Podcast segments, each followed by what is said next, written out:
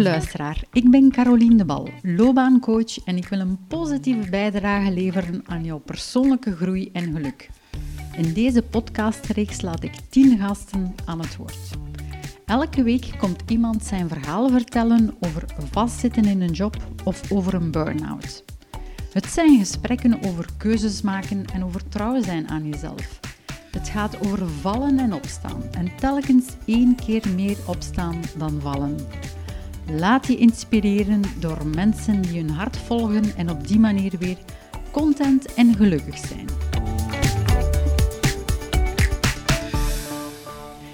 Dag Ingrid, leuk dat je hier bent. De podcast gaat over mensen die keuzes maken, mensen die hun hart volgen. Zelf vertel je dat je ook elke dag een beetje dichter bent bij jouw hartwens. Vertel eens, hoe is dat begonnen? Um, dat is begonnen eigenlijk in 2017, de concrete zoektocht. Dan ben ik uitgevallen uh, op het werk, toch een plek waar ik heel graag was, uh, waar ik heel lang heb proberen te blijven ook. Maar um, ik ben dan volledig uitgeput, uitgevallen eigenlijk. En de eerste maanden heb ik um, alleen maar doorgebracht met slapen. Ja. op een paar momenten had ik wel zoiets van, ik was wel moe, maar ik had wel energie om nieuwe dingen te doen, om verder te zoeken naar wat ik eigenlijk dan verder wou in mijn professioneel leven. En dan ben ik op zoek gegaan naar coaching. En dan ben ik hier terechtgekomen. Ja. Waar ik dan ook heel gelukkig en content mee ben, uh, nog steeds. En uh, dat heeft me wel geholpen om de dingen weer duidelijk te krijgen. Uh, misschien nog niet onmiddellijk te, om te weten wat ik dan als een concrete stap achteraf zou doen, maar mij wel terug op een weg zetten die dicht bij mij lag. Ja, en kun je, kun je even meegeven aan de luisteraars of er een bepaalde oefening of een bepaalde opdracht was dat je zegt van dat was voor mij toch een belangrijke stap? Uh, ik denk de oefening naar waarde, uh, wat mijn persoonlijke waarden zijn, ja. uh, om dat terug concreet te krijgen, want dat was ik helemaal kwijt eigenlijk. ook de persoonlijkheidstypes. Ja. dat verbaasde mij niet heel erg, maar ik vond het ook wel weer interessant om eens op papier te lezen wat het dan juist was. En um, ja, ik heb ook wel gezien dat er een aantal kenmerken, um, maar ik weet niet meer van welke oefening dat, dat was, um, dat ik heb kunnen gebruiken in mijn cv. Omdat ik had geen duidelijk idee van hoe ik mijzelf moest omschrijven. En ik heb daar wel een aantal kernwoorden uitgehaald om heel duidelijk te stellen wie dat ik was. De talententest. Ja. Ja, ja. dat zijn zo van die hele leuke woorden. Ja, ja. Mooi. Ja. En hoe is het dan verder gegaan? Dus je zegt van, ja, oké, okay, ik, ik had al wat meer zicht op mijn talenten mhm. en op mijn waarden. En dan? Um, dan heb ik ook, ik, wat ik me ook herinner, dat, heel, dat ik heel duidelijk moest omschrijven waar wat mijn droomjob ja. of droomplek was. Ik heb dat dan omschreven. En ik denk dat ik dan heel lang, uh, ja, want ik heb daar toch nog zes of zeven maanden over gedaan om die plek te vinden. En um, ja, ik ben blij geweest dat ik daar zo lang gewacht heb, omdat het moest door mij heel duidelijk worden. En er waren wel een aantal dingen onderweg die erop leken, maar het was niet dat wat ik voor ogen had. En de plek die ik ondertussen heb gevonden is eigenlijk helemaal de omschrijving uh, die ik toen op papier heb gezet. De context, hè? Ja, ja. maar ook het gebouw is wat ik omschreven had, uh, waar het lag. Dat heb ik omschreven. De dakmoestuin is daar. Dus hij kon dat, dat gewoon toen al voorspellen, zeg maar. Ja, ik heb er eigenlijk nooit zo echt in geloofd, maar dat heeft... Door het te doen ben ik nu wel uh, allez, licht overtuigd dat dat werkt om zo een beeld te scheppen van waar je naartoe wilt. De visualisatie, ja. ja. Gebruik je dan nog in andere omstandigheden nu die visualisatieoefening? Ja, ik probeer me soms te verplaatsen naar, uh, als ik met projecten opstart bijvoorbeeld, dan probeer ik wel al te visualiseren hoe dat, dat project er al zal uitzien. Ja. Maar vooral gevoelsmatig. Hmm. Helemaal, um, dan kom ik wel bij een beeld uit uh, en zo werk ik verder, zo ontwikkel ik verder eigenlijk dat project. ja. ja. Vandaag de dag. Dus mhm. je zit in een job dat je graag doet. Vertel eens wat meer over deze job. Ik ben vandaag eh, centrumverantwoordelijke van een lokaal dienstencentrum in het centrum van Brussel. Um, een lokaal dienstencentrum is een plek waar dat, uh, mensen van een oudere leeftijd terecht kunnen voor zowel um, activiteiten als uh, diensten. Um, dus we zijn een sociaal infopunt. Uh, we hebben een pedicure bijvoorbeeld, maar we doen ook we organiseren activiteiten met vrijwilligers om de mensen eigenlijk zo lang mogelijk autonoom uh, te laten uh, blijven wonen waar ze wonen. Dus eigenlijk ja. een ondersteuning in zelfstandigheid Uh, dus eigenlijk gewoon een plek waar mensen samenkomen, elkaar ontmoeten. En binnen dat centrum, um, mijn taak daar vooral in is een netwerk, een buurtnetwerk ontwikkelen uh, om een zorgende mantel eigenlijk rond die mensen uh, te leggen. En dat is heel interessant. ik kan heel veel bruggen maken met mijn vorige sector. Toen kwam ik toch meer in cultuur.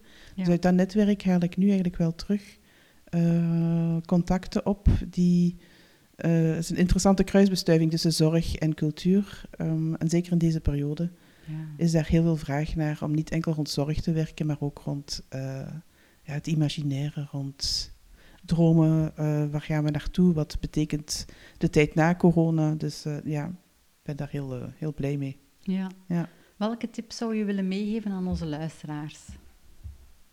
Als je zelf terugkijkt op hmm. jouw zoektocht naar een nieuwe job. Tijd nemen ja. Heel belangrijk.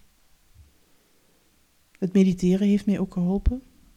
Um, Was je ervoor al bezig met meditatie? Mm, niet echt goed. Ik had daar wel interesse voor, maar ik had daar natuurlijk ook geen tijd voor. Ik was toen heel druk bezig met andere dingen. Uh, dus ja, aandacht hebben, focus hebben voor hetgene wat, wat u echt gelukkig maakt. Echt uh, proberen te voelen.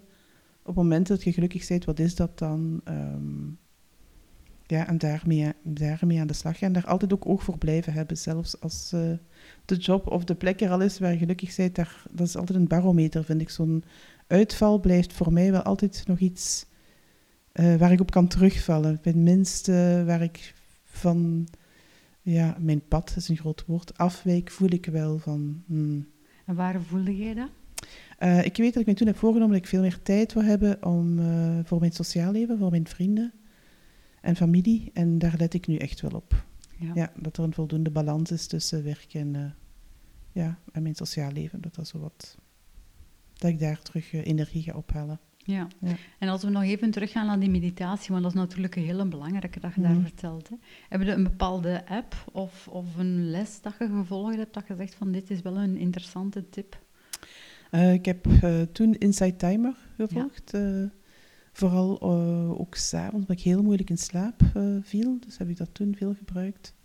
Nu doe ik het weer een beetje minder, maar, uh, maar ik weet wel dat het er is als ik er echt eh, weer nood aan heb. Ja. ja.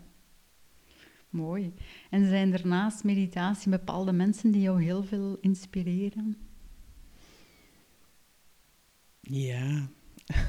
Hmm, vertel eens. ja, ik denk mijn, mijn vriendenkring zit vol met hele bijzondere mensen, vind ik. Mijn zoon ook, mijn zoon inspireert me ook enorm. Die is aan het opgroeien. Ja, ook heel leuke gesprekken nu. Hij wordt 21, dus dat zijn hele andere gesprekken dan een aantal jaar geleden. Ja, um, ja.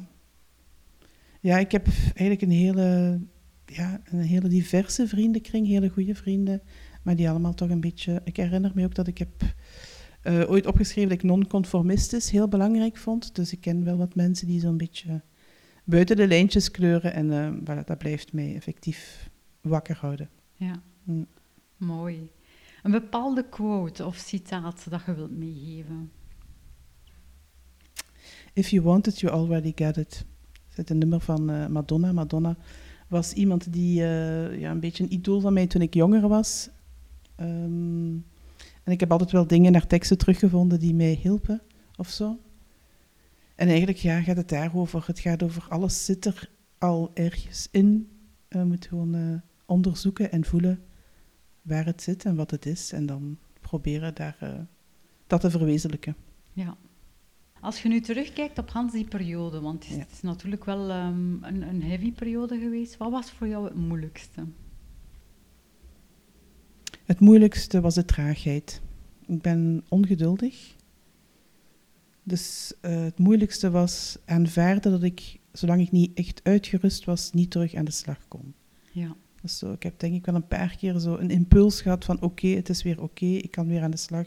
En telkens bracht mijn lichaam mij terug naar uh, platte rust. Uh, daar herinner ik mij, daar werd ik heel onzeker van. Um, ja, zo geen controle hebben of niet weten wat. Ook zo dat niet weten wat, dat vond ik ook heel iets... En alles samen, hoe lang zou je oud geweest zijn? Mm, elf maanden. Ja. Ja, ik ben gestopt in eind november. Ik ben terug gestart met werk in oktober. Ja. ja. Dus elf maanden thuis. Mhm. En als je, als je nu ziet van hoe zijn er dan uitgekomen, wat heeft jou geholpen om daaruit te komen? Naast rust, wat nog? Ja, die coaching zeker ook heeft mij geholpen. Ehm, en het ook terug, ehm, terug in het sociale leven stappen. Met het rusten kwam ook een soort uh, terugtrekken uit de wereld. Dat hoorde daar zo op een of andere manier bij. En ik had eigenlijk wel een groot netwerk, maar ik was helemaal niet klaar. Ik kreeg regelmatig de vraag, wat zoek je, wat wil je doen? En zolang het dat niet duidelijk was, kon ik dat natuurlijk ook niet. Kon ik geen ondersteuning of hulp vragen. En ehm, dus ja, ook de steun van familie en vrienden op het moment dat het voor mij duidelijk was. Ja. ja. Het is dan nog via een hele bizarre weg gelopen dat ik deze job gevonden heb, maar iedereen heeft eigenlijk wel uh, onderweg mij op een of andere manier geholpen om uh, daar te geraken. En een bijzondere weg, wilde daar iets meer over vertellen? Ja, het was eigenlijk een uh, functie die mij al was doorgegeven, een maand voordien, en waar ik helemaal geen zin in had. Ik had helemaal zoiets van, nee, eh, ik begreep ook helemaal niet goed waarom mensen aan mij dachten voor die functie. Uh, dat was denk ik een proces om af te stappen. Ik was algemeen directeur daarvoor en ik zou het nu, in deze job werk ik onder een algemeen directeur. Dus het was voor mij heel moeilijk om te bedenken dat ik uh, terug onder een andere, onder een verantwoordelijke zou werken. Maar dan een maand later um, was ik in Brussel, ik was in het centrum, ik wandelde daar rond en ik voelde van, ik wil hier werken. Ik wist dat die plek daar lag. En opeens kwam de directrice van de organisatie, die ik wel al kende, ook uit mijn vroegere netwerk, voorbij gefietst. En toen had ik het direct, ik had het van, oké, vandaag stuur ik een mail of ik bel ik even. Um, omdat ik ook al een eerdere ervaring had gehad. En, twee weken daarvoor had ik ook gesolliciteerd. En dan uh, voor een soortgelijke functie in een andere organisatie. Maar daar vond de raad van bestuur dat ik uh, waarschijnlijk um, met mijn ervaring mij te snel zou gaan vervelen. Dus daar was ik dan niet aangeworven. Dus ik twijfelde een beetje van, is het dan niet onder mijn capaciteiten of zo? Ik weet het niet, het was zo'n uh, twijfelmoment. Maar voilà, ik heb dan een mail gestuurd en een ik gesprek hoor, gehad. Ja. Ik hoor dat je twijfelde van, het is, het is carrière gezien is het een stap terug. Mhm. Maar als je zegt van ik was dan ter plaatse en ik zie die dame dan voorbij Mhm. fietsen, dat je zegt nu voel ik het. Mhm. Dus het was, het was tussen ratio en gevoel. Ja, ja. En het is nog soms zo. En vooral in het begin van de job vond ik wel soms dat het eh, weinig was. Maar mm, ondertussen niet meer. Eh, nee, ik, de keuze die ik gemaakt heb om meer vrije tijd te hebben, om meer tijd Ja. eh, voor mijn vrienden te hebben, is, dat is nu echt in, in evenwicht door hetgene wat ik nu doe. Ja. Ja. In een e-mail had je geschreven over die hartcirkels, Mhm. over die verbinding in een groep. Kan je Mhm. daar iets meer over vertellen? Ehm, ja, ik ben in de tijd. en Ik was toen ook al veel met de spiritualiteit bezig, met emotionele, spirituele intelligentie bijvoorbeeld. Eh, Ik ben daar nog altijd verder mee bezig, omdat ik. ehm, ik herinner me ook dat mijn, mijn topproject wat ik toen wou ontwikkelen was eigenlijk een centrum eh, openen eh, rond coaching vanuit eh, verschillende eh, benaderingen. Ehm, dus ik ben mij verder blijven interesseren van hoe kan ik ook in mijn ploeg nu omgaan met mensen op een hartniveau. En dan heb ik een webinar gevolgd van de, de Waarbeke groep eh, rond stilte. En dat was een heel interessante verteller, Tesh Steiner. eh, over, en hij sprak over hartcirkels. En ik vond dat eigenlijk een methodiek die ik helemaal zag zitten. Het gaat ook rond verbindende communicatie. Ehm, is een uitdaging, vind ik tegelijkertijd, om eh, daar echt in te slagen. Of, ehm, ja, of daarmee aan de slag te gaan in een omgeving die daar eigenlijk nog niet vertrouwd mee zijn. Ehm, maar ik vond dus dat Tesh Steiner zoiets aangaf waar, waar ik mee aan de slag kon. Om vanuit mezelf, eh, vanuit mijn hartverbinding, te werken met andere mensen. En, En kun je het heel concreet maken voor onze luisteraar van wat dat je nu juist bedoelt? Ja, is vooral eh, luisteren met aandacht, met focus, niet oordelend ehm, en alles openlaten, alle mogelijkheden openlaten. Eh, ik slaag er nu bijvoorbeeld veel beter in dan vroeger met mensen aan de tafel zitten die totaal anders in het leven staan dan ik zelf. En daar dan toch een verbinding mee te maken, omdat ik dan wat het interessantste is, dat ik probeer te begrijpen waar die mensen, ehm, ja, waarom dat die mensen zo'n radicaal andere gedachte hebben dan ik. Dat is heel belangrijk op mijn werk nu, want eh, ik heb te maken met bezoekers tussen 55 en 95. Daar zitten hele interessante figuren tussen, uh, maar die over een aantal onderwerpen helemaal anders denken dan ik zelf zou doen. En om daar een gesprek mee te blijven hebben, uh, werken die hartcirkels wel goed. Proberen verbinding te zoeken met de mens die tegenover mij zit, meer dan met de ideeën dat die mens dan zou kunnen hebben. Ja. En het feit dat die andere mensen die aan tafel zitten dan geen kennis hebben van die hartcirkels, merk je dan toch dat dat een impact heeft? Ja. Ja. Ja, dat hoeft eigenlijk niet. Je moet ook niet een hele leer of zo beginnen uitleggen. Gewoon in die positie zetten van, ik zit hier nu en ik luister nu naar u. En dan dat verandert soms iets in de mens die tegenover u zit. In de dynamiek. Ja. ja. En je zegt van, dat was een heel inspirerende persoon. Is er zo'n bepaald iets dat blijven plakken is? Dat je zegt van, de manier waarop dat hij iets uitlegde? Of... Hij was heel rustig. En hij omschreef ook zo die... Ehm, ja, wat sommige andere spirituele boeken als zielsverwanten omschrijven. Dus de, de ontmoeting die je kunt hebben met iemand anders, waar het alles, ja, heel de, de realiteit of de verschillen vervagen, waarin het gevoelt dat er.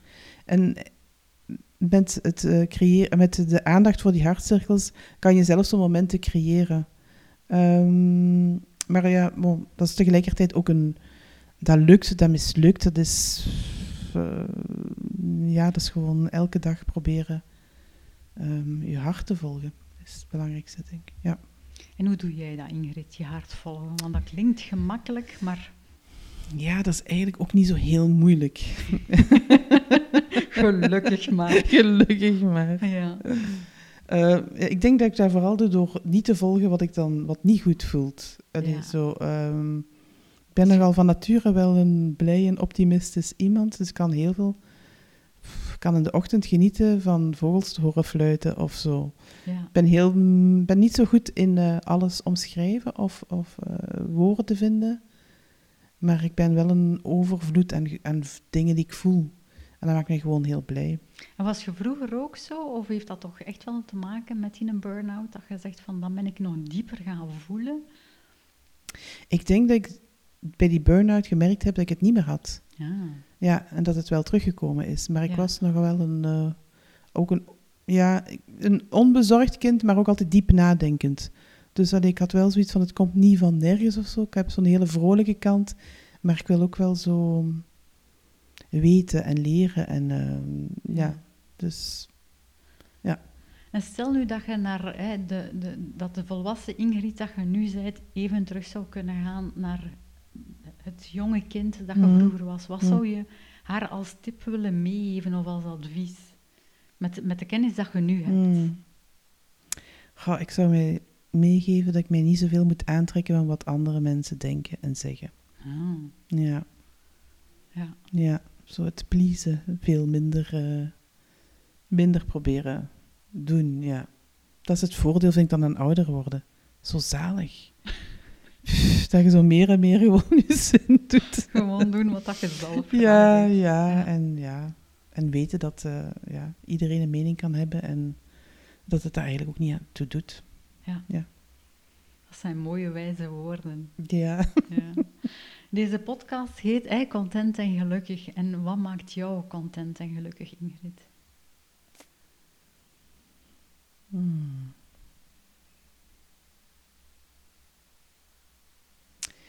Content maakt mij uh, dat ik weet dat de mensen die ik graag zie, dat het daar goed mee gaat. Dat maakt me tegelijkertijd ook gelukkig. Um, ja. Um, ik kan heel content zijn van een. Um, Ja, wat, ook, wat ik ook oorspronkelijk al heb opgeschreven van het samenwerken. Van samenwerken met mensen die. Hmm, ja. Die niet per se dezelfde idee hebben, maar die in eenzelfde soort energie zitten of zo. Dat kan me echt dat voel ik. Dat voel ik in mijn dagelijks werk ook. Dat zijn dingen waar ik van vrolijk en blij uit, uit een vergadering kan komen. Terwijl er ook vergaderingen zijn waar ik helemaal moe en... Dus ja, wat mij dan gelukkig maakt is eerder het, het, het fijne samenwerken. Ja. Ja. Ja, en dat de anderen rond mij. Alleen, ehm, of dat ze de kracht hebben om met de dingen die misgaan iets te doen. Het is niet zo dat ik uh, probeer iedereen gelukkig te krijgen. Ik, dat, dat, kan niet, dat is nooit zo. Dat er in momenten dat het minder goed gaat, of zelfs momenten van grote conflicten. Um, maar ook dat vind ik interessant om, uh, om mee om te gaan. Ja, en ik word gelukkig van de vogels die ik hier hoor. van de zon die schijnt en zo van alles. Ja, ja veel dus dingen. Dus je bent een tevreden persoon. Ja, ja, dat wel. Mooi. Ja. Dankjewel. Dankjewel voor dit fijne gesprek. Graag gedaan.